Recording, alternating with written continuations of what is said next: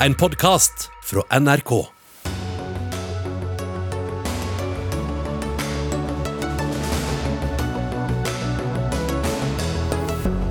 De fleste har greid seg bra gjennom pandemien, men de sårbares psykiske helse har lidd, ifølge et utvalg. Lite nytt i dette, sier Mental Helse. Obos-ledelsen vil at ansatte, direktører og styremedlemmer skal stille på generalforsamlingen. Kuppforsøk og brudd på samvirkeordningen, mener jusprofessor. Ingen under 18 år bør få kjønnskorrigerende behandling som ikke kan reverseres, foreslår KrF. Hvorfor skal helsehjelp få en aldersgrense, spør Foreningen FRI. Og Miljøpartiet De Grønne vil ha taxfree på tog, og Fremskrittspartiet liker ideen, men det kan ikke erstatte taxfree på flyplassene, mener Frp, så helt enige var de ikke likevel. Dette er Dagsnytt 18, hvor vi også skal snakke om Russland, i dag ved Sigrid Solund. Mange har følt seg nedfor, alene og lei, men alt i alt har vi tålt pandemien bra, ifølge utvalget som ble bedt av regjeringa om å se på nettopp det. I seks uker har du ledet dette arbeidet med å kartlegge hvordan korona og smitteverntiltak har påvirket den psykiske helsa vår, psykolog Peder Kjøs. Alle kjenner seg kanskje ikke igjen i dette med at vi har taklet pandemien så bra. Hva er egentlig kriteriene for å si om den psykiske helsa har blitt verre eller ikke? Eh, ja, det er jo ikke noe lett spørsmål å svare på. For det er jo uh, forskjellige indikasjoner man kan bruke da, på hvordan det går. Det ene er jo hvordan folk sier sjøl at de har det. Og, og, så er det jo trafikken på helsetjenestene, selvfølgelig.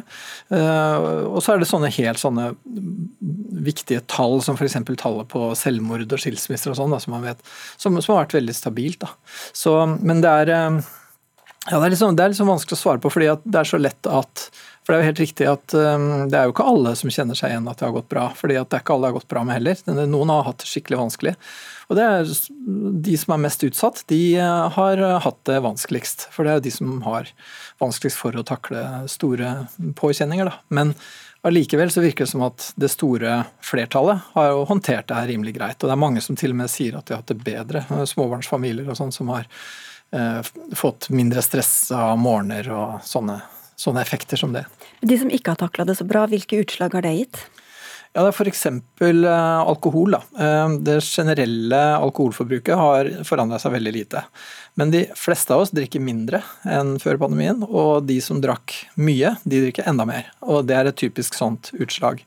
Eh, og ellers er det jo folk som har måttet unnvære tjenester som de er ganske avhengig av. Folk som er funksjonshemma f.eks. Og så har ting blitt Eh, forandra eller har forsvunnet helt eh, i perioder pga. smitteverntiltak og sånn, og det er jo en påkjenning. Hvor grundig har dere egentlig kunnet gå til verks i løpet av seks uker? Ja, det kan du si. Heldigvis er det andre som har hatt mye bedre tid til å gå ordentlig grundig til verks. Så det vi har gjort er jo at vi har oppsummert forskning som fins så godt vi kan. Og så mm, har vi fått innspill fra mange forskjellige grupper. Fra eh, tjenestene, fra brukere, pårørende, sånn forskjellig. Så, så det har vært et sånn type sekundær Eh, da, hvor vi løper etter de gode kildene som er mer vitenskapelige.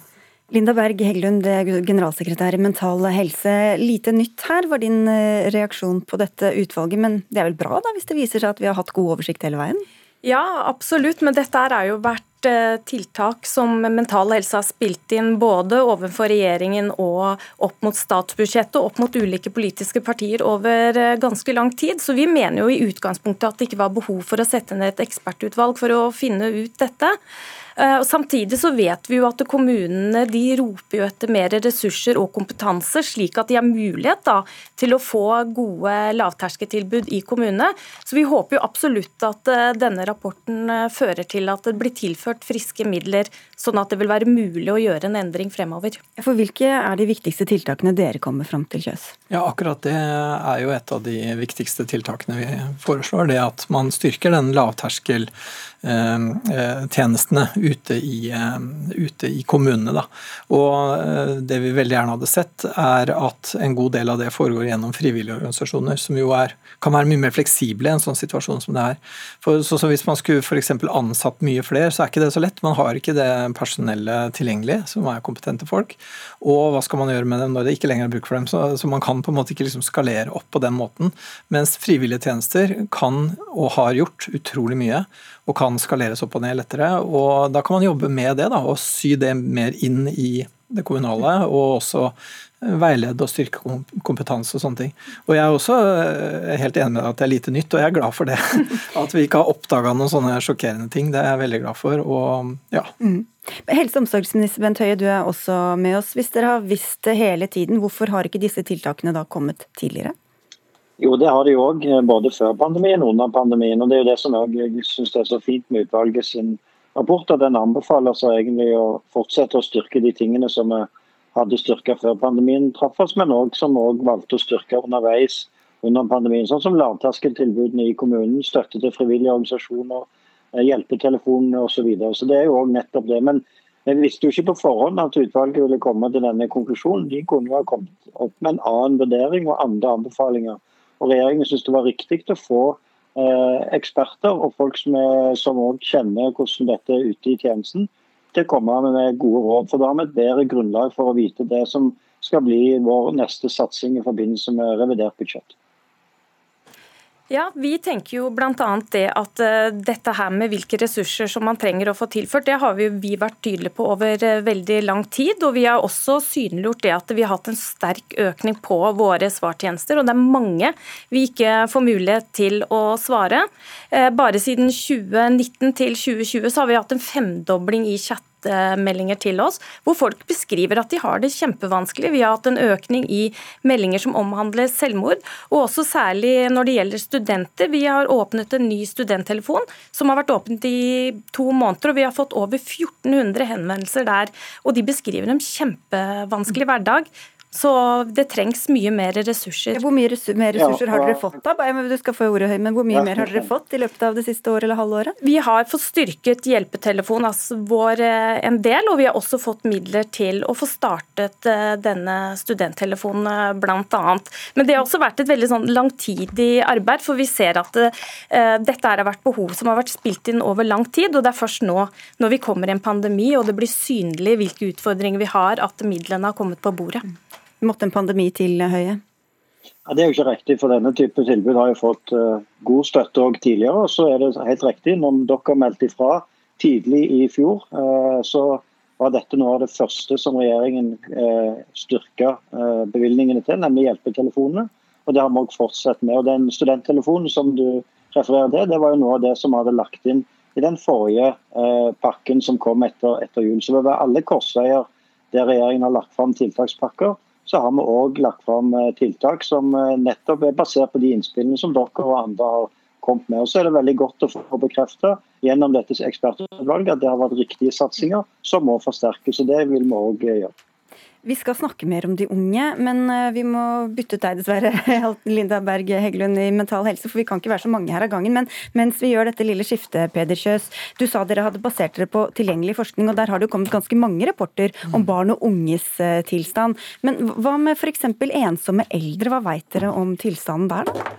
Eh, ja, vet du, jeg klarer faktisk ikke å huske akkurat hvilke studier som har hatt akkurat hvilke grupper, men eh, når det gjelder enslige eldre, så er jo det en gruppe som har opplevd eh, en reduksjon i livskvalitet. Men om det er en, en ordentlig signifikant endring i psykisk helse, da, litt sånn strengt forstått, det er noe litt annet. Og akkurat hvor den grensen skal gå er heller ikke helt enkelt å si.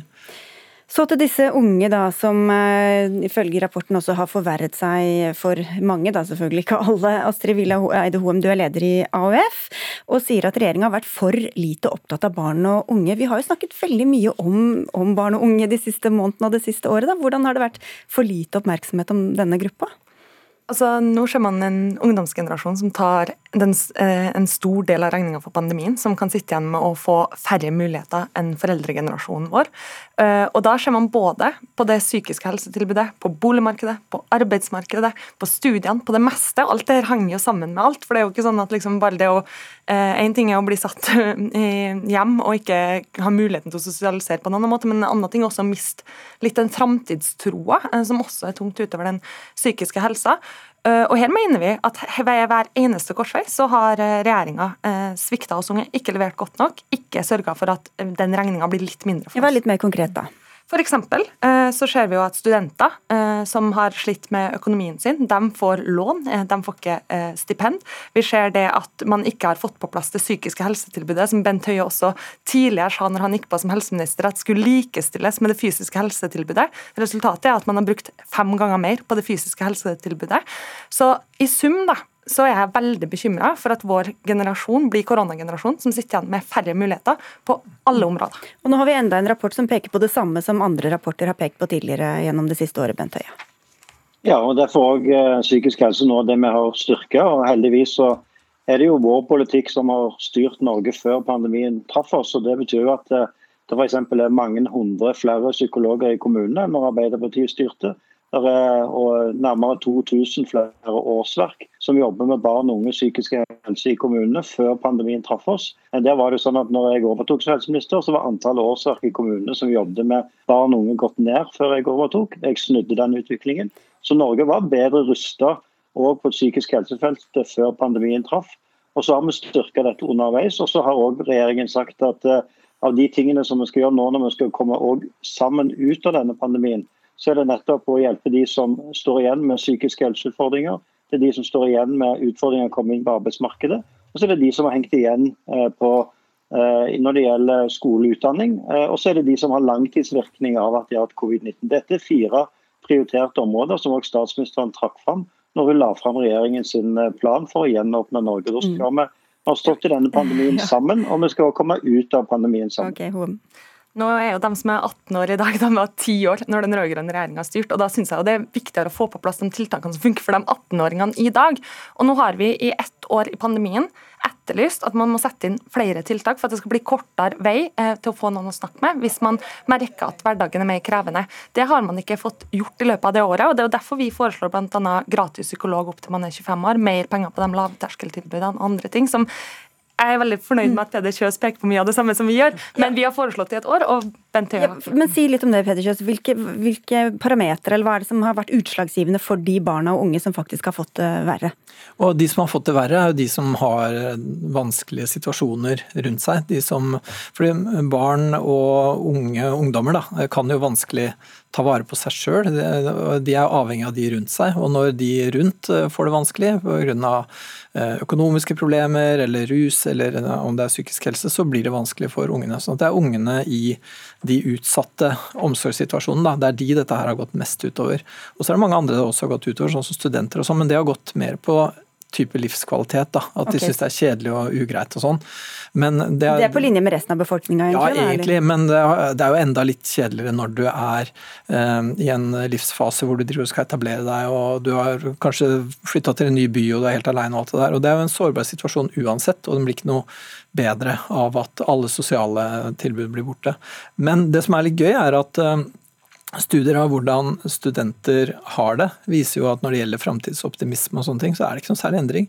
De er optimistiske. De ser for seg at eh, det kommer til å gå bra og de kommer til å få et godt liv, men det er traurig akkurat nå. Mm. Og, og, det har ikke forandra seg noe særlig. Det er, eh, det er, ikke sånn at de er mer pessimister nå enn for ett år siden eller fem år siden, egentlig. Så litt svartmaling eh, fra din side? jeg, jeg, vil ikke kalle det svartmaling. Det er ganske ja, det, er, det er kjipt, men de aller fleste ungdommer skjønner at dette her er midlertidig og forbigående, og at når ting åpner opp igjen, så blir det greit. Da blir det liksom eh, Ja, det er en belastning som er tidsbegrensa, da.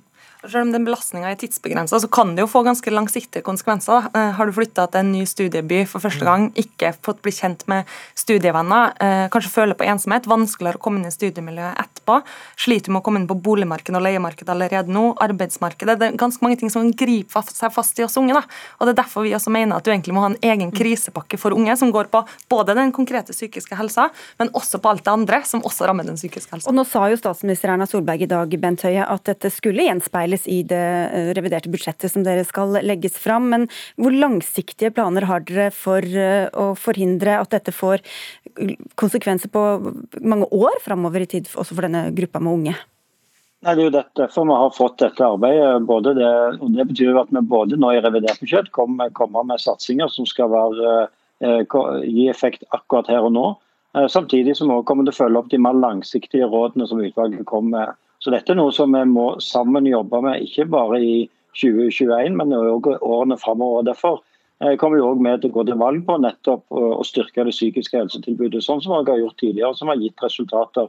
Men når vi skal ha et lavterskeltilbud i kommunene, så er det viktig at vi har dyktige, flinke fagfolk som kan jobbe med det i kommunene. Derfor har vi bygd ut en psykologtjeneste i kommunene som Arbeiderpartiet stemte imot eh, lovkrav om at kommunene skulle ha psykologkompetanse. Da, da, vet jeg at du sikkert vil svare, men eh, du skal få to sekunder til det. Jeg tenker i hvert fall Det viktigste er at man har et krafttak på unge. og Det holder ikke med dikt og fine ord. Man må faktisk få den politikken som gjør at vi både får troa på framtida, men at vi også får trygghet i livene våre. Hører ingen dikt her i dag, men det får bli etter sending. Takk skal dere ha alle tre. Peder Kjøs, Astrid Ville Eide Hoem fra AUF, helse- og omsorgsminister Bent Høie og også Linda Berg Heggelund fra Mental Helse.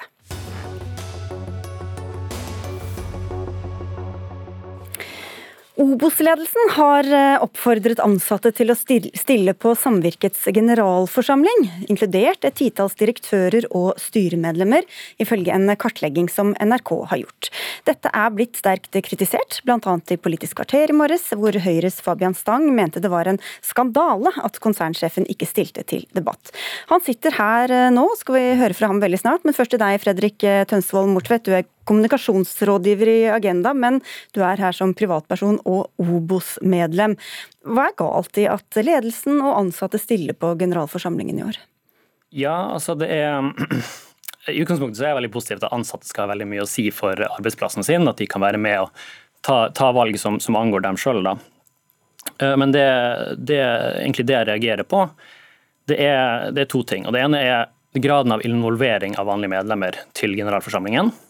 Eh, og så er det rolleblandingen til ledelsen. Eh, det oppfattes sånn, og jeg tror jeg nok jeg kan snakke for en god, god andel av medlemmene, eh, om at det er altså de ansatte har fått mer, mer informasjon om å møte opp på delegatmøte og generalforsamling enn det vanlige medlemmer har. Og Bakgrunnen her er jo at det er eh, noen som mener at Obos har beveget seg i en gal eh, retning, prioriterer feil, og, og da er det saker som da skal bli tatt opp på denne generalforsamlinga 22.6. Ja, altså Det er jo flere saker som har vært eh, oppe nå. Det er jo både liksom E18-saken, Ulven-saken, også disse leilighetene til 100, 100 millioner som Obos har bygget. Og det, det vekker engasjement hos folk, men folk har ikke de riktige kanalene til å kunne få det inn i organisasjonen på en god måte. Um, fordi de, de, føler seg ikke inkludert og involvert i organisasjonen. Og da får du et problem. for da, da, Problemet som oppstår da, det er at du får sånne kupp, kuppete tilstander nesten. Altså plutselig får du en, en liten gjeng som, som engasjerer seg. Uh, og så um, møter de opp, og så, du, og så, så, får du jo nesten helt flertall på, på hele på, på delegatmøtene.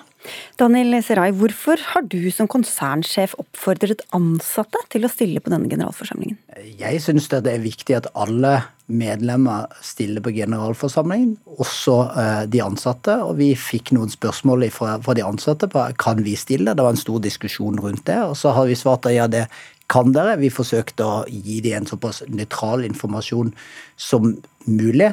Eh, og eh, vi ønsker velkommen denne diskusjonen. Ønsker så mange delegerte eh, som mulig på plass. Og så kan det godt hende, det er tror du har helt rett i, at vi kunne helt sikkert vært bedre på å gi informasjon og gjort det lettere tilgjengelig. Det må vi bli mm. bedre på for framtiden. Men for å se på denne nøytrale informasjonen, da, så har du skrevet det er innkommet mange forslag til årets generalforsamling som vil kunne påvirke oss som organisasjon og bedrift i årene framover på intranettet til, til Obos, og minnet da de ansatte på at de har rett til å være kandidater. Hva slags saker er det som er så viktige for Obos eh, ansatte og organisasjon at, at man tyr til dette skrittet? Nei, altså, det er jo frem fremkommer forslag i pressen og, eh, om at eh, Obos bør legges ned. Det, det er jo et, eh, et forslag som er, som er, fremkommet. Og vi har ikke gått ut og delt informasjonen, så de ansatte i Obos vet ikke detaljene. Det har vi vært ganske bevisste på at vi, vi kan ikke gå rundt og propagandere for det ene synspunktet eller mot, for dette skal undergis. Vi har hatt en forslagsfrist. Nå driver styret og forbereder, for vi skal gi alle medlemmene som har stilt sine forslag, en,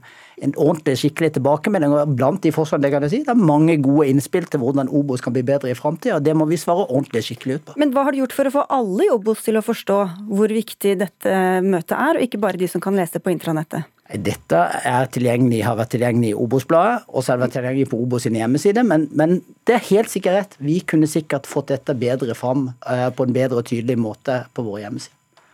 Ja, altså... Um det har ikke blitt kontakt, altså Jeg som vanlig medlem har ikke fått en eneste henvendelse direkte til meg på en e-post hvor det står innkalling til generalforsamling eller et brev i posten. Det eneste, dette, eneste måten dette har skjedd på, det er sånne fellesutsendelser, sånn som nyhetsbrev, som ikke jeg får, for jeg ønsker ikke å få nyhetsbrev fordi det, det, det, er egentlig bare spam for min del, jeg leser det ikke. Og så får vi det i Obos-bladet. Det, det fordrer jo at folk leser Obos-bladet nøye. Obos hva vil du ha eh, At Sirai skal ringe hver enkelt medlem, eller hva vil du ha? Nei, men han kan sende en e-post eller et brev til alle sammen. Men, men, hvis jeg kan få supplere, vi har faktisk sendt brev. Vi har en trekning blant de hussøkende medlemmer som er gjort av en datamaskin. Og vi sender faktisk brev ut til flere hundre medlemmer som er trukket ut som ja, da, da fikk ikke jeg det brevet. Men Nei. det koster jo ingenting å sende en e-post til alle medlemmene med bare en innkalling til generalforsamling. Også dette med at du selv skal delta, eh, ikke bare som, som eh, konsernsjef, men som boligsøker, og potensielt da stemme f.eks. om du har tillit til ditt eget styre, eller om din lønn på 4,6 millioner i år skulle komme opp. Hvorfor skal du stille som delegat? Jeg har stilt som delegat på, på de fleste eh, årsmøter i Obos. og Det har vært kutyme. Det har vært kutyme i bolig, andre boligbyggelag, og slik har det vært gjennom mange år. og Dette var ikke noe annerledes i år. Beate Sjåfjell, du er professor i juss ved Universitetet i Oslo og spesialist i selskapsrett. Eh, hvordan vil du karakterisere det ledelsen i Obos har gjort her? Du må ta på deg hodetelefonen. Sier jeg. Det, det, fremstår som et uh, forsøk på å uh, kuppe generalforsamlingen. Uh, fordi selv om ledelsen og styret har anledning til å stille som delegater, delegater så, så, er det ikke det lovens intensjon at det skal gjøres. Og i en så betent sak som, som det her er snakk om, så, så burde Eh, ledelsen har vært ekstra tilbakeholdne med å stille som delegater, og eh, ikke oppfordre ansatte til å stille som delegater fordi at det her er saker som kan få avgjørende betydning for bedriften vår. Altså Det ligger jo da sånn implisitt i at her er det viktig å passe på din egen arbeidsplass. For ansatte som stiller som delegater, de skal jo gjøre det fordi de er boligsøkere og ikke fordi de er ansatte som eh, da lett kan føle seg utsendt av øverste sjef for å ivareta eh, det, det, det ledelsen ønsker å, å, gjøre her. Så det, det er en eh, veldig uheldig oppfølging av den veldig betente saken i Obos som har, som har vært mye omtalt. Hvordan tror du denne oppfordringen skulle mottas, Sirai? Eller forstås? Jeg tror at mange har lurt på kan vi stille. Og det kan man, for man har et engasjement rundt arbeidsplassen sin. I andre bedrifter, i et aksjeselskap, så oppfordrer man jo sine ansatte til å kjøpe aksjer og være en del og ha medbestemmelse over sin egen arbeidsplass. Det har vi forsøkt å gjort, men vi kommer ikke til å legge noen føringer. Det er ingen som, eh, som legger føringer på hva de ansatte skal stemme. Nå skal vi saksbehandle alle de forslagene som kom inn. Og så må den enkelte ansatte selv avgjøre hva man vil stemme for og hva man vil stemme imot. Men dere har jo en halv million eh, medlemmer, jeg vet ikke hvor mange ansatte dere har. Men hvorfor tror du at de ansatte som da er opptatt av sin egen arbeidsplass og hva slags forhold de skal ha, er de beste til å, til å fronte liksom alle medlemmenes uh, interesser? Nei, men det er mange hundre, Vi har mange hundre potensielle delegerte ute i borettslagene som har mulighet til å delta. Det er mange... Hvis de har Obos-leilighet, da må de ha mange flere stemmer bak seg enn hvis du f.eks. Det... jobber i Obos og ikke bor i en Obos-leilighet. Nei, men de har en mulighet. Borettslagene har utsendinger til, eh, til uh, generalforsamlingen. Og vi har hatt et stort engasjement fra mange uh, medlemmer som har mulighet til å melde seg til delegert møte. Så jeg tror jo at dette dette, eh, denne generalforsamlingen skal vi ha en god diskusjon. For vi, jeg syns det er viktig med denne diskusjonen. Jeg, vi er jo ikke redd for diskusjonen rundt, rundt Obos og hva Obos skal være i framtida. Snarere ønsker vi den hjertelig velkommen. Du har ikke vært så tilgjengelig når NRK har stilt deg spørsmål om denne saken? Vi, vi, vi, har stilt eh, på mange, og noen ganger så stiller man med en kommunikasjonsdirektør, og andre ganger med en selv. Men hva, Fortell bare um, om, om, hvordan dette systemet fungerer, hvem som egentlig kan stille på disse generalforsamlingene. Ja, altså Til generalforsamlingen så er det, så er det to, eh, to, grupper, da, kan man si. Og Den ene gruppen er borettslagene, og den andre gruppen er mm, hussøkende. Jeg er en del av den hussøkende gruppen eh, fordi jeg er leier og har lyst på å få meg en bolig i Oslo. Eh, og Det er samme gruppen som, som, Daniel stiller til. Så han er også hussøkende på den måten. Og det, Både det virker veldig um, um, underlig. Men samtidig så er det jo også det rolle, rolleblandingen mellom at ledelsen i, en, i, et stort eh, konsern med veldig mye makt sitter på sin egen generalforsamling og, og, og, og har stemmerett på lik linje med meg som, som eier av organisasjonen. Hvordan vil du beskrive lovligheten av dette, Sjåfjell? Det er ikke ulovlig, eh, men det, som eh, i alle andre tilfeller i livet, så er det ikke sånn at alt som ikke er eksplisitt forbudt, er greit å gjøre. Fordi loven er ment også gjelde for samvirkelag av veldig mange forskjellige størrelser. og Derfor legger lovgiver opp til at den skal være fleksibel, og at man skal ikke ha unødvendig mange detaljerte regler om hva som skal gjøres. Men, men, dette bryter åpenbart med lovens intensjon, fordi lovens intensjon er at styreleder og øverste leder eh, for, for, laget skal møte opp og forklare seg for generalforsamlingen, og ikke at man skal mobilisere ansatte for å møte opp og stemme som ansatte. Fordi eh, Sirai var inne på det at ansatte har en interesse, og det har de selvfølgelig. Men det vi må være klar på her, det er at Eh, ansatte eh, har ikke eh, plass som delegert fordi de er ansatte, de har plass som delegert fordi de er boligsøkere. Man kunne ha tenkt seg et, et samvirkelag hvor det var boligeiere, boligsøkere og ansatte som var tre forskjellige grupper som sendte delegerte. Men det er, også, det er ikke tilfellet her. Mm. Så det er de ansatte skal møte opp fordi de er boligsøkere, og ikke fordi de er redde for hva som skal skje med bedriften, eller av en eller annen form for lojalitet for eh, konsernledelsen. De ansatte i Obos stiller fordi de er glad i Obos. De som kommer til å stille, de er opptatt av modellen vår, hvordan vi skal drive, for hvordan Obos og være opptatt av å skaffe boliger til medlemmene, hvordan vi skal gjøre tilgang til boliger for flere, hvordan skal vi gjøre et bidrag i samfunnet. Det er derfor vi jobber i Obos, vi som er der. Svein Bottilsrud, du leder representantskapet, så du representerer også medlemmene. Hvordan syns du medlemsdemokratiet i Obos fungerer? Nei, Jeg syns det fungerer veldig godt. Vi har et uh, representantskap på i underkant av 70 medlemmer som velges uh, på generalforsamlingen hvert år. Uh, på generalforsamling hvor det pleier å være nesten ingen mennesker, vel å merke. Nei, altså Vi har hatt en generalforsamling i koronatiden hvor det var få mennesker. Men vi har hatt den type mobiliseringer som blir nevnt her, har vi hatt tidligere. Og vi har som sagt et representantskap som møtes 56 ganger i året. Det opplever jeg som Obos-medlemmer som er nysgjerrige, gjerne kritiske, som ønsker å ha et ord med i laget.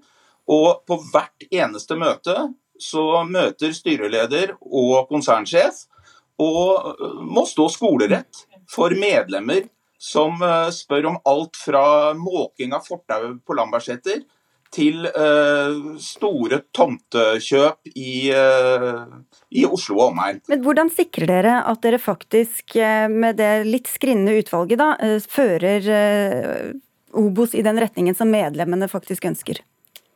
Nei, altså Medlemmene har jo anledning til å melde seg som kandidater til representantskapet. Det er den boligsøkende delen av representantskapet som til enhver tid har et lite flertall, uh, ifølge vedtektene. Borettslagene foreslår kandidater. Uh, igjen uh, kandidater fra borettslagene som er engasjert i boligpolitikk, og som ønsker å påvirke Obos. Ok. Sirai, så langt er altså seks av ti av de som skal komme, er ansatte. Hva sier det om medlemsdemokratiet?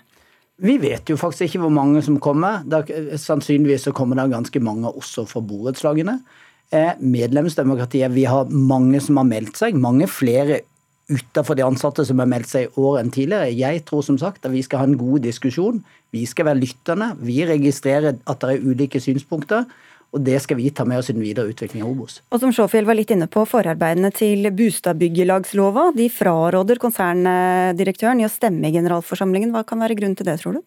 Eh, det må du spørre de som har skrevet eh, forarbeidene om. Eh, praksis i Boligsamvirket har vært av både ledelse, styre og ansatte møtt på generalforsamlingene i boligbyggelaget. Så dere møtes der igjen, sier Siraj Mortvedt? Ja. Vi får se hvordan det går. Takk skal dere ha inntil videre, Daniel Serai, konsernsjef i Obos, Fredrik Tønsvold Mortvedt, eh, for anledningen Obos-medlem, Beate Sjåfjell, professor i juss ved Universitetet i Oslo, og Stein Bottelsrud, leder for representantskapet i Obos.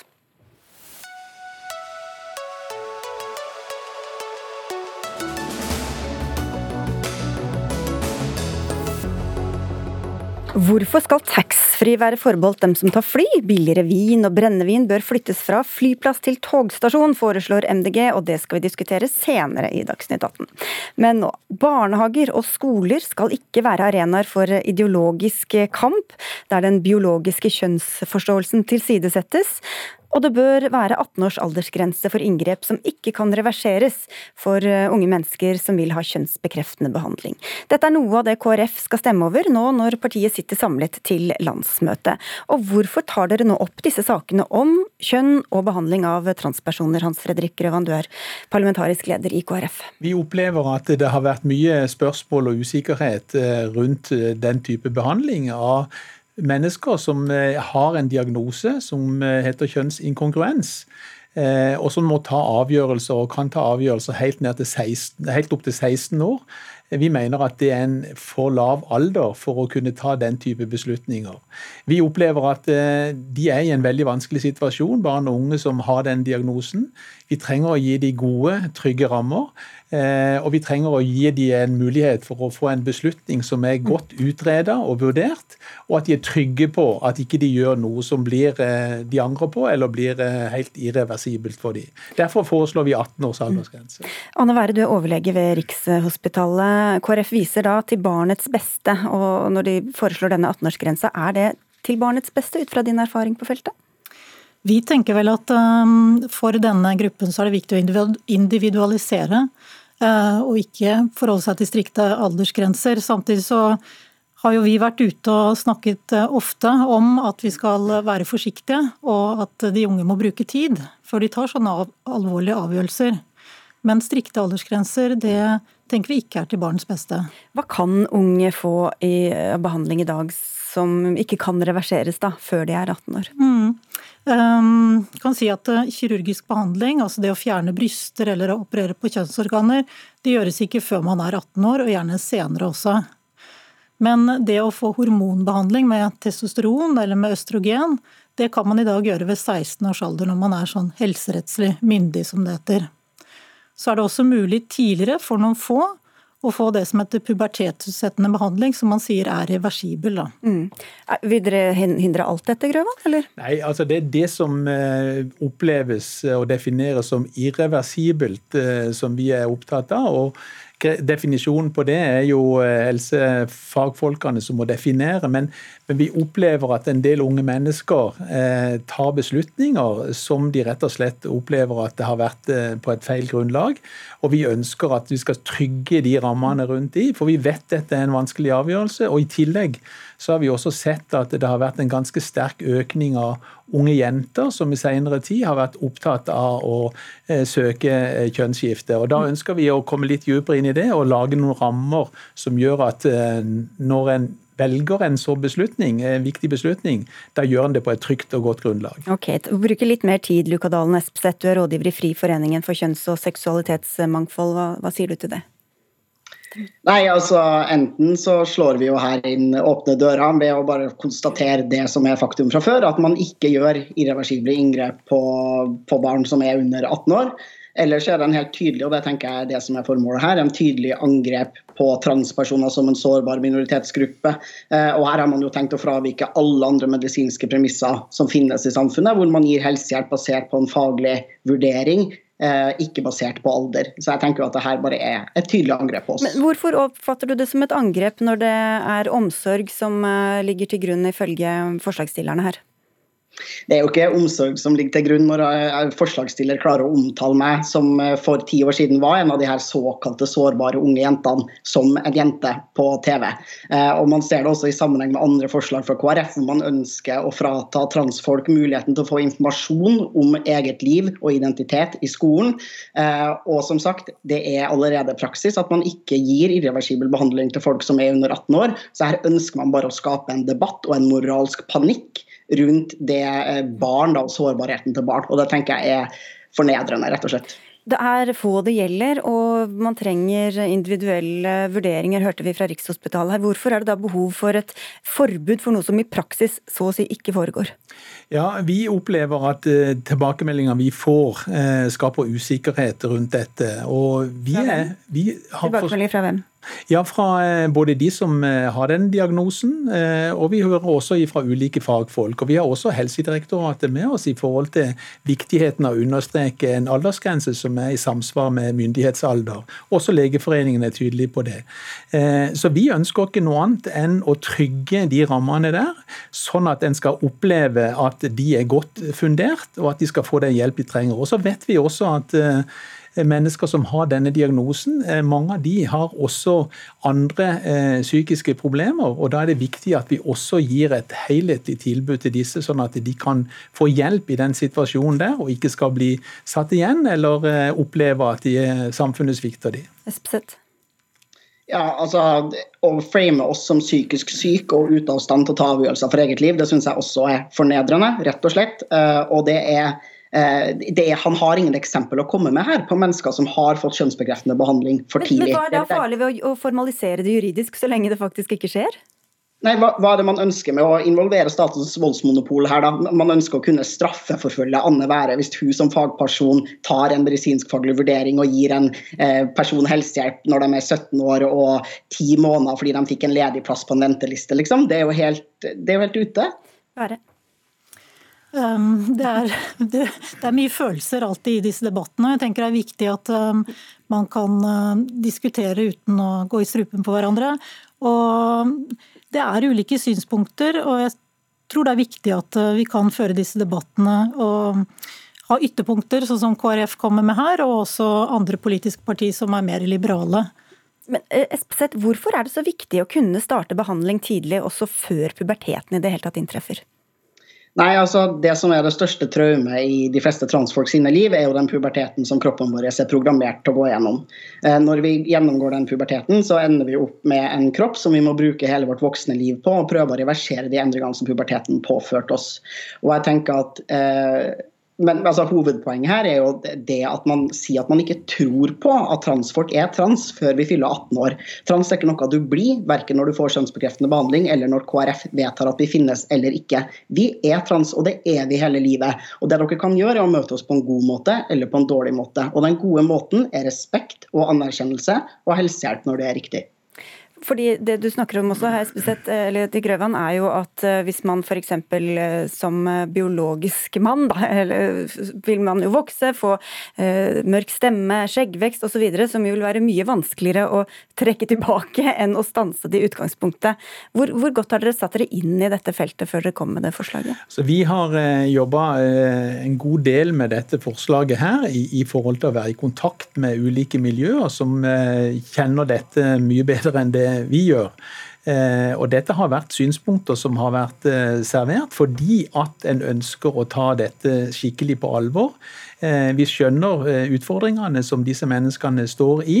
Det er ikke mange, men, men f.eks. dette her med at vi plutselig har fått mange flere Eh, som nå ønsker å få den type behandling. Det er også et trekk som vi ønsker å trenge mer inn i og få mer kunnskap om. Vi ser også at dette er en utvikling som ikke bare skjer i Norge, eh, men også i andre land, og spesielt dette med, med jenter. Og så er det jo også dette, disse rådene som Helsedirektoratet har gått ut med.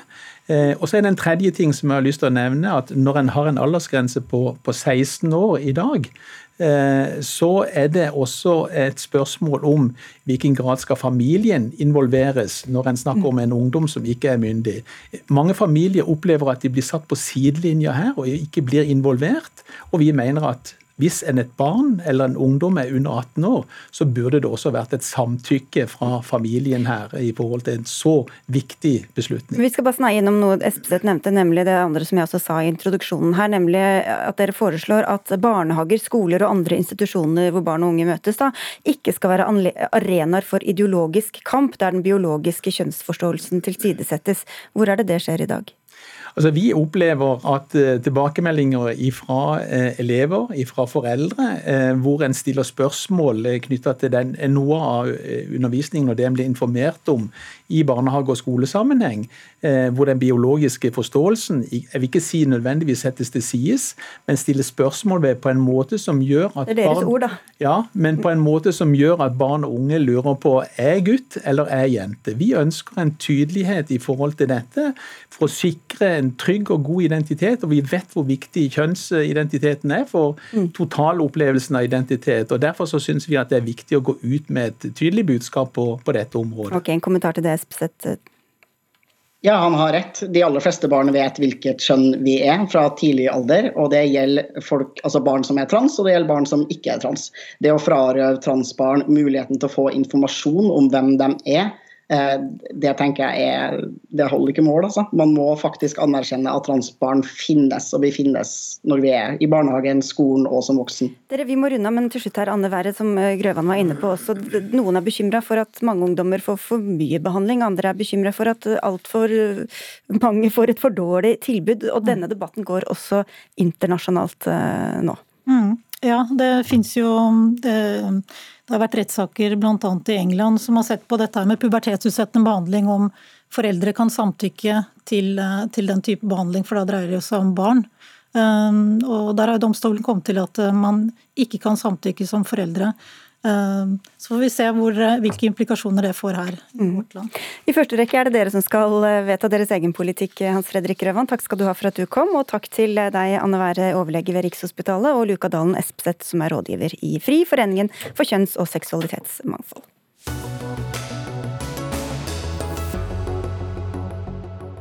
Han er blitt forgiftet med nervegift, forfulgt og fengslet av russiske myndigheter. I går plasserte det russiske finanstilsynet kampanjenettverket hans på en liste over ekstremistiske grupper, i et nytt forsøk på å stilne regimekritiker og opposisjonspolitiker Aleksej Navalnyj og hans støttespillere. Lene Wetterland, du leder Russland-avdelingen i Helsingforskomiteen. Hva er det som har skjedd nå i denne siste utviklingen? Nå har jo regimet tatt enda et skritt videre fra den undertrykkelsen de har gjort eh, så langt, med å plassere organisasjonen på liste over ekstremister. Vi må huske Parallelt med denne avgjørelsen fra en finansovervåkningsnettverk, så er det også en eh, prosess som går i rettsvesenet. Og Advokaten der han ble faktisk arrestert eh, i dag. Og Hva skal til for å bli plassert på denne lista, og hva innebærer det å stå der? Eh, andre som er på denne listen av ekstremistiske organisasjoner, er jo sånne som IS og Al Qaida. Eh, så det er litt eh, vilkårlig hva som skal til for å stå på listen. I Navalny og hans nettverkstilfelle så er det jo det arbeidet de gjør med å av, av, finne korrupsjon blant Putin og hans nærmeste. På mm. lokalt, føderalt og lokalt nivå. Statssekretær i Utenriksdepartementet Audun Halvorsen, hvordan ser regjeringa på det som skjer i Russland nå? Det er jo dessverre en svært bekymringsfull utvikling. Eh, forsterket nå eh, i lys av prosessene mot Navalny og hans organisasjon og nettverk de siste dagene. Men det er jo dessverre heller ingen overraskelse. Det er jo en videreutvikling av tendenser vi har sett over tid, hvor rommet for politisk opposisjon, for eh, frie medier, for sivilsamfunnet i Russland blir stadig mindre. Lovene blir stadig strengere, og forfølgelsen av politiske samfunnsmessige motkrefter eh, styrker seg nesten dag for dag. Og Hva uttrykker Norge da overfor Russland eh, i denne bekymringa? Nei, altså Vi har jo tatt opp uh, spørsmålet om uh, den politiske og menneskerettslige utviklingen i Russland, uh, både direkte med Russland i våre bilaterale samtaler, bl.a. på utenriksministernivå, siden eh, forgiftningen av Navalny i august i fjor, for å bruke dette konkrete eksempelet, så har vi til sammen, eh, alene eller sammen med likesinnede, eh, gitt 30 nærmere uttalelser i ulike formater, hvor vi uttrykker våre krav om at Navalny løslates, bekymring for hans helsetilstand, og, eh, og, kravet til russiske myndigheter om at det er de som eh, vil holdes ansvarlige eh, for hans liv, for hans helse og for hans grunnleggende rettigheter. Mm. Så dette er et spørsmål som vi sammen med våre likesinnede allierte er svært opptatt av, og som vi tar, bruker alle diplomatiske virkemidler for å ta. Og Hvordan blir det mottatt i Russland, Wetterland? Eh, internasjonal støtte er veldig viktig for eh, aktivistene som fortsatt holder på med et veldig viktig arbeid. Som Halvorsen påpeker, så er det blitt stadig verre. Eh, og det finnes stadig flere som står opp mot det, og de må få denne internasjonale støtten. og Det setter de veldig stor pris på. Et uh, konkret virkemiddel er jo også sanksjoner, som vi ser virker veldig godt. og Den nye norske sanksjons sanksjonsloven er jo et veldig viktig skritt i den retning. Mm. Men Navalny, hva får det å si for han og hans støttespillere at, uh, at de nå står på denne lista, og alt det andre som skjer parallelt? Eh, faren er jo at det å sette moderate, legitime politiske opposisjonelle på en liste over ekstremister, fører til at deres aktiviteter må gå under grunnen, og at mer radikale elementer eh, får mer plass. Og at myndighetene dermed kan skylde på disse radikale elementene når de slår enda hardere ned eh, på motstand. Men det grunnleggende er jo her at årsaken til at så mange har tatt til gatene i det siste, er jo ikke Navalny i seg selv. Han greier å motivere og samle. Men det er jo overgrepene som over så lang tid har skadet russiske borgere, som gjør at de faktisk tar til gaten, uh, og protesterer i så store tall. Og Det skjer det jo ingenting med. Så uansett hva som skjer med Navalny og hans staber, så vil folk fortsette å være misfornøyde, og da blir det enda færre måter å ytre denne misnøyen på. Mm. Halvorsen? Ja, altså, utviklingen der? Mm. Utviklingen uh, i, i uh, si, gatebildet og protestene, som, som Vetland uh, er, er, inne på. Altså, vi har jo sett egentlig gjennom vinteren store protester i mange russiske byer. Sist helg var det protester i 90 russiske byer. Titusenvis av mennesker sannsynligvis tar til gatene. Og det er klart Dette fokuserer og kanaliserer en, en misnøye uh, med den politiske og til dels sosioøkonomiske utviklingen i Russland for store deler av befolkningen. Men Da tør de i hvert fall å gå ut i gatene, da. Det er jo noe. Ja, men samtidig så har vi også da i, dessverre i forbindelse med mange av disse protestene sett uh, uproporsjonal, overdreven maktbruk fra myndighetenes side. Hvor man jo nettopp bruker uh, voldsomt makt for å skremme folk eh, fra å ta til gatene eh, og eh, protestere mot regimet. Vetland Navalny er jo blitt definert som en politisk fange, men han er vel slett ikke alene om å ha den statusen i, i Russland heller? Nei, det er han ikke. Eh, organisasjonen Memorial eh, forholder seg nå til en liste med over 300 som sitter på religiøst grunnlag, og rundt 80 som sitter på politisk grunnlag. Og Det er bare de de har identifisert og kartlagt, så det er enda flere enn disse.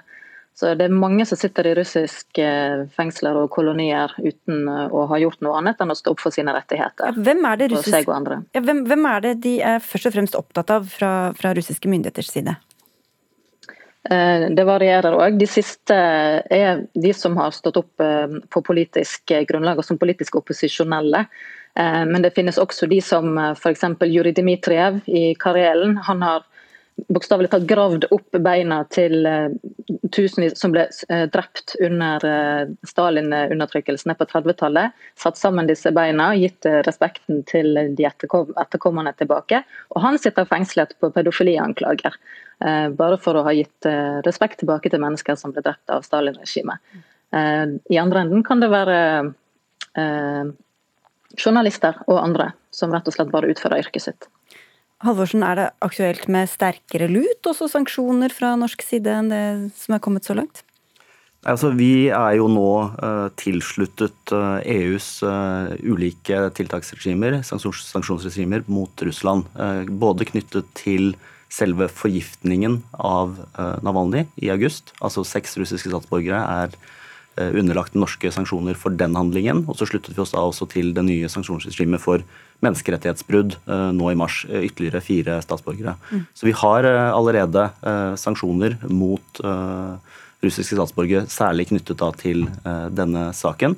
Det åpner den nye sanksjonsloven som regjeringen har lagt fram og fått, fått vedtatt, som Vetland også var inne på, for. Eh, det er en god utvikling, eh, hvor vi også står sammen med våre likesinnede i å signalisere tydelig misnøye, eh, og at brudd på menneskerettigheter og folkerett får konsekvenser. Vi får se om det faktisk får konsekvenser. Takk skal dere ha begge to, Lene Wetland fra Helsingforskomiteen og statssekretær Audun Halvorsen.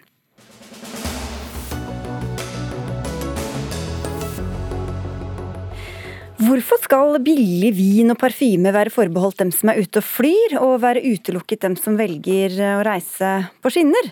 De siste tiårene har forslaget om taxfree på tog kommet opp med ujevne mellomrom, blitt utredet og havnet i en skuff igjen. Nå fremmer dere tanken på nytt, Rasmus Hansson. Du er stortingskandidat for Miljøpartiet De Grønne. Er det trillevogn med taxfree-varer, eller hvordan ser dere for dere at dette skal fungere? Det fikser vi. Det kan jo være en butikk i uh, en i Halden og en i Kongsvinger og en i Narvik og en på Oslo S uh, som selger taxfree. Uh, akkurat å lage taxfree-butikker, det kan vi jo her i landet. Okay. Poenget er å bruke det til noe fornuftig, hvis det først skal brukes. Ja, og, men, men, på hvilke strekninger skal det da gjelde? Det er utenlandsstrekningene. Altså, ordningen vil jo da fungere akkurat som den nå gjør på flyplasser, internasjonale reiser. Og vitsen med å gjøre det vil jo i tilfelle være å få til det samme for tog, eh, som man nå helt unødvendig gjør med fly. Nemlig å få flere passasjerer til å ta toget, og skaffe penger til å bygge ut eh, internasjonale togstrekninger, som det er kjempebehov for å gjøre i Norge. Så skrote det på flyplassene? Og, Selvfølgelig. Ja, nettopp. Bård Hoksrud, stortingspolitiker for Frp, høres det fristende ut med å ta med en taxfree-pose etter en eh, togtur? Ja, Det er sikkert veldig greit, og jeg, jeg, har ikke noe problem med det. Og jeg var liksom litt sånn jøss, endelig litt sånn for en gangs skyld er ikke MDG ute etter å straffe folk.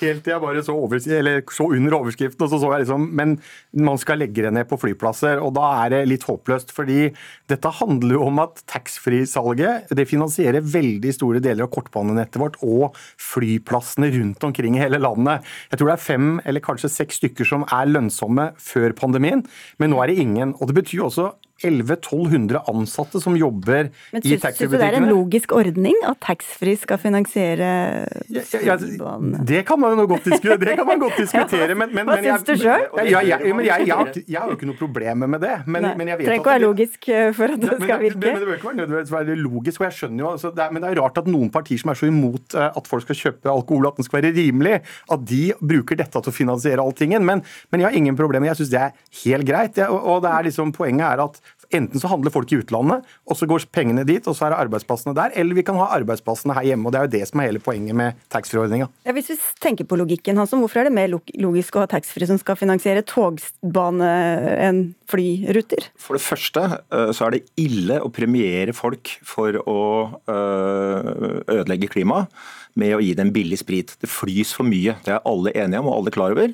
Og at folk skal lokkes til å gjøre det eh, med billig sprit og snus og sjokolade, det er veldig, veldig dumt. For det andre så er det jo merkelig at Fremskrittspartiet og Høyre og Arbeiderpartiet og andre faktisk mener på alvor at en viktig del av samferdselsinfrastrukturen vår skal finansieres med billig sprit istedenfor å finansieres over, uh, over uh, samferdselsbudsjettet. Men det er ikke akkurat det, det, dere foreslår for, for togene nå, da? Og for, og for det tredje uh, så er det sånn at hvis man på død og liv vil beholde den ordningen, som altså mange vil, så får man bruke den til noe fornuftig, da, nemlig å hjelpe fram den transportformen som er klimavennlig, og som er miljøvennlig, og som vi trenger mer av. Nemlig eh, tog. Men nå argumenterte særlig... du vel egentlig mot deg selv da, i løpet av disse tre argumentene? Nei, eh, det gjør jeg ikke. Jeg sier bare at vi aksepterer at hvis eh, hvis eh, vi skal ha en taxfree-ordning,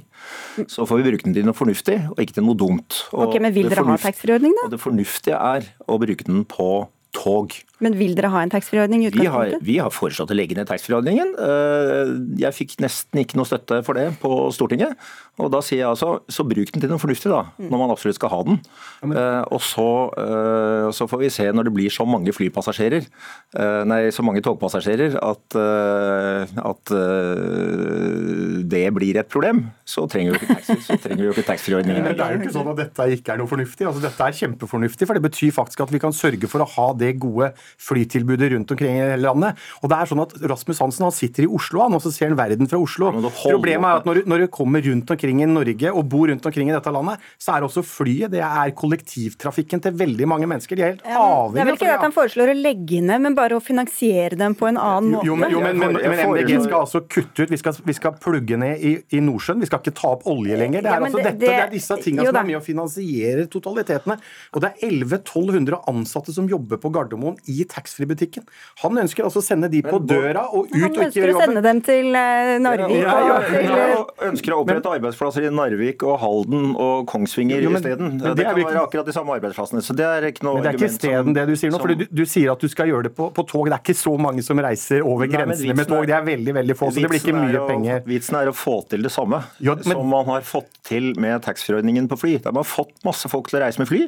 ok, Nå er det nok folk som reiser Men med fly. tror du at de reiser med fly for lenger. å kjøpe- handle på taxfree? Nå kan vi, nå kan vi bruke taxfree-ordningen Hansson. til uh, tog. Tror du, de reiser, tror du mange velger å, å kjøpe flybilletter for å kunne kjøpe billig sprit på taxfree? Det er jo ikke noe tvil om at taxfree bidrar til at folk flyr. Det er jo derfor ordningen fins. Og det er derfor ordningen funker så godt. Det er en lokkeordning for å få flere til å fly, og den fungerer. Eh, Vi mener i MDG at det burde den ikke gjøre. Den brukes til noe vi ikke burde, nemlig å få enda flere til å ødelegge enda mer klima. Og hvis man da vil beholde den ordningen, og vil beholde de arbeidsplassene, så får vi bruke den til noe fornuftig, nemlig å fremme tog. Ja, nei, men det, er, men det er bare tull det Rasmus Hansen sier. at folk bare liksom, Det er ikke sånn at folk kjøper seg flybillett fordi at de skal ut og fly fordi de skal kjøpe alkohol og, alkohol og tobakk når de kommer tilbake til Norge. Det er jo tull. Rasmus Hansen. Det er jo fordi man skal noe annet, og så er det positivt. Men det er jo bare å se. altså Du kan jo bare reise til Sverige, så ser vi jo all den handelen som foregår i Sverige.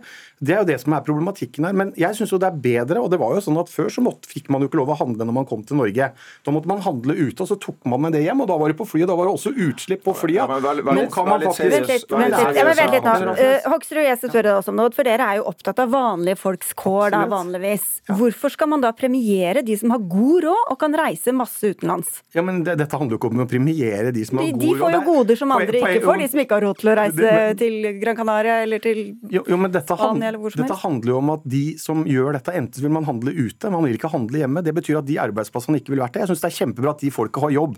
Og så syns jeg i tillegg at det er kjempebra at vi er med og sørger for at vi kan ha et godt flytilbud i Norge. Det, det ønsker jo ikke Rasmus Hansson, der er vi uenige. Nei, men du er enig enig i at de enig. som har råd til å kjøre med fly, de får da goder som de som ikke har råd til å Ja, å fly. kjøre men med man kan reise til Sverige eller man kan gjøre andre ting. Og, og Poenget er jo det at de kan handle taxfree i utlandet, så forskjellen er bare så lenge de får lov til det. Og hvis man skal nekte det, det er, Den debatten kan vi gjerne ta. Tolldirektøren han var veldig tydelig på at hvis man ikke skulle ha en grense og ikke få lov å ha med noe til Norge, ja, så vil det bli en kjempeutfordring for tollmyndighetene å tollklarere alle disse varene hvis man kommer inn og ut til Norge. Så Derfor er det litt håpløst det der Rasmus Hansen ønsker, og det du sier at, at dette er forskjell på folk. For det, Vi ønsker ikke å ha forskjell på folk, men vi mener at så lenge den er der, og- og alternativet er at de handler i utlandet istedenfor å handle i Norge, og at de skaper arbeidsplasser og sikrer Ok, det har du sagt arbeidsplasser arbeidsplasser er tolv ganger. Ja, det er. Men eh, Rasmus Hansson, det, det regjeringsoppnevnte utvalget Norge mot 2025 anbefalte også å skrote taxfree-ordninga. De mener bl.a. at det undergraver det norske avgiftssystemet, øker tilgjengeligheten av alkohol og tobakk og utfordrer Vinmonopolets stilling. Ja. Ja, så hvorfor det holde liv i ordninga bare fordi det, det kan få tog? og det utvalget er helt enig med meg. Det var derfor jeg foreslo allerede i 2015 eller 2016 på Stortinget å legge ned denne ordningen. Men det gjør altså ikke Stortinget. Eh, Og da tar vi det til etterretning og sier OK, så bruk den ordningen din fornuftig, da, i det minste. Og den kan ha en positiv effekt. Eh, hvis man ser bort fra at det er en rar måte å finansiere samferdsel på, så kan det ha en god, god positiv effekt, fordi den vil skaffe ekstra penger til å bygge ut jernbanenettet internasjonalt, og den vil skaffe flere passasjerer. Fordi, Bård Hoksrud, du vet godt at dette er en lokkeordning, og den virker, og det er derfor den fins. Og det er jo derfor du sier at det er helt greit å bruke den også på tog, men på fly bør den ikke brukes lenger, fordi det er å subsidiere klimaødeleggelse, og det sier til og med ditt parti at de er imot.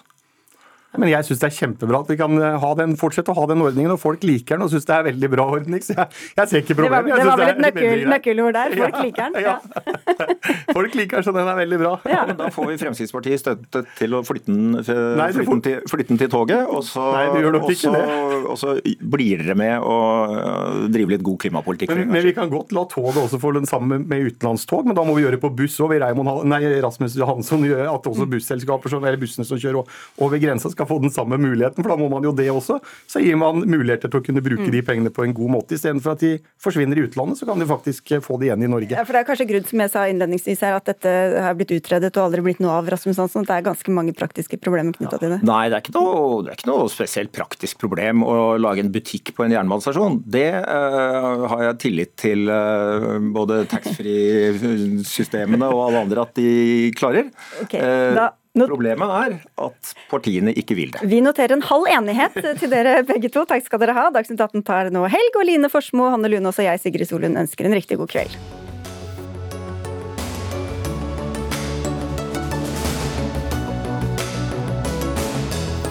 Du har hørt en podkast fra NRK.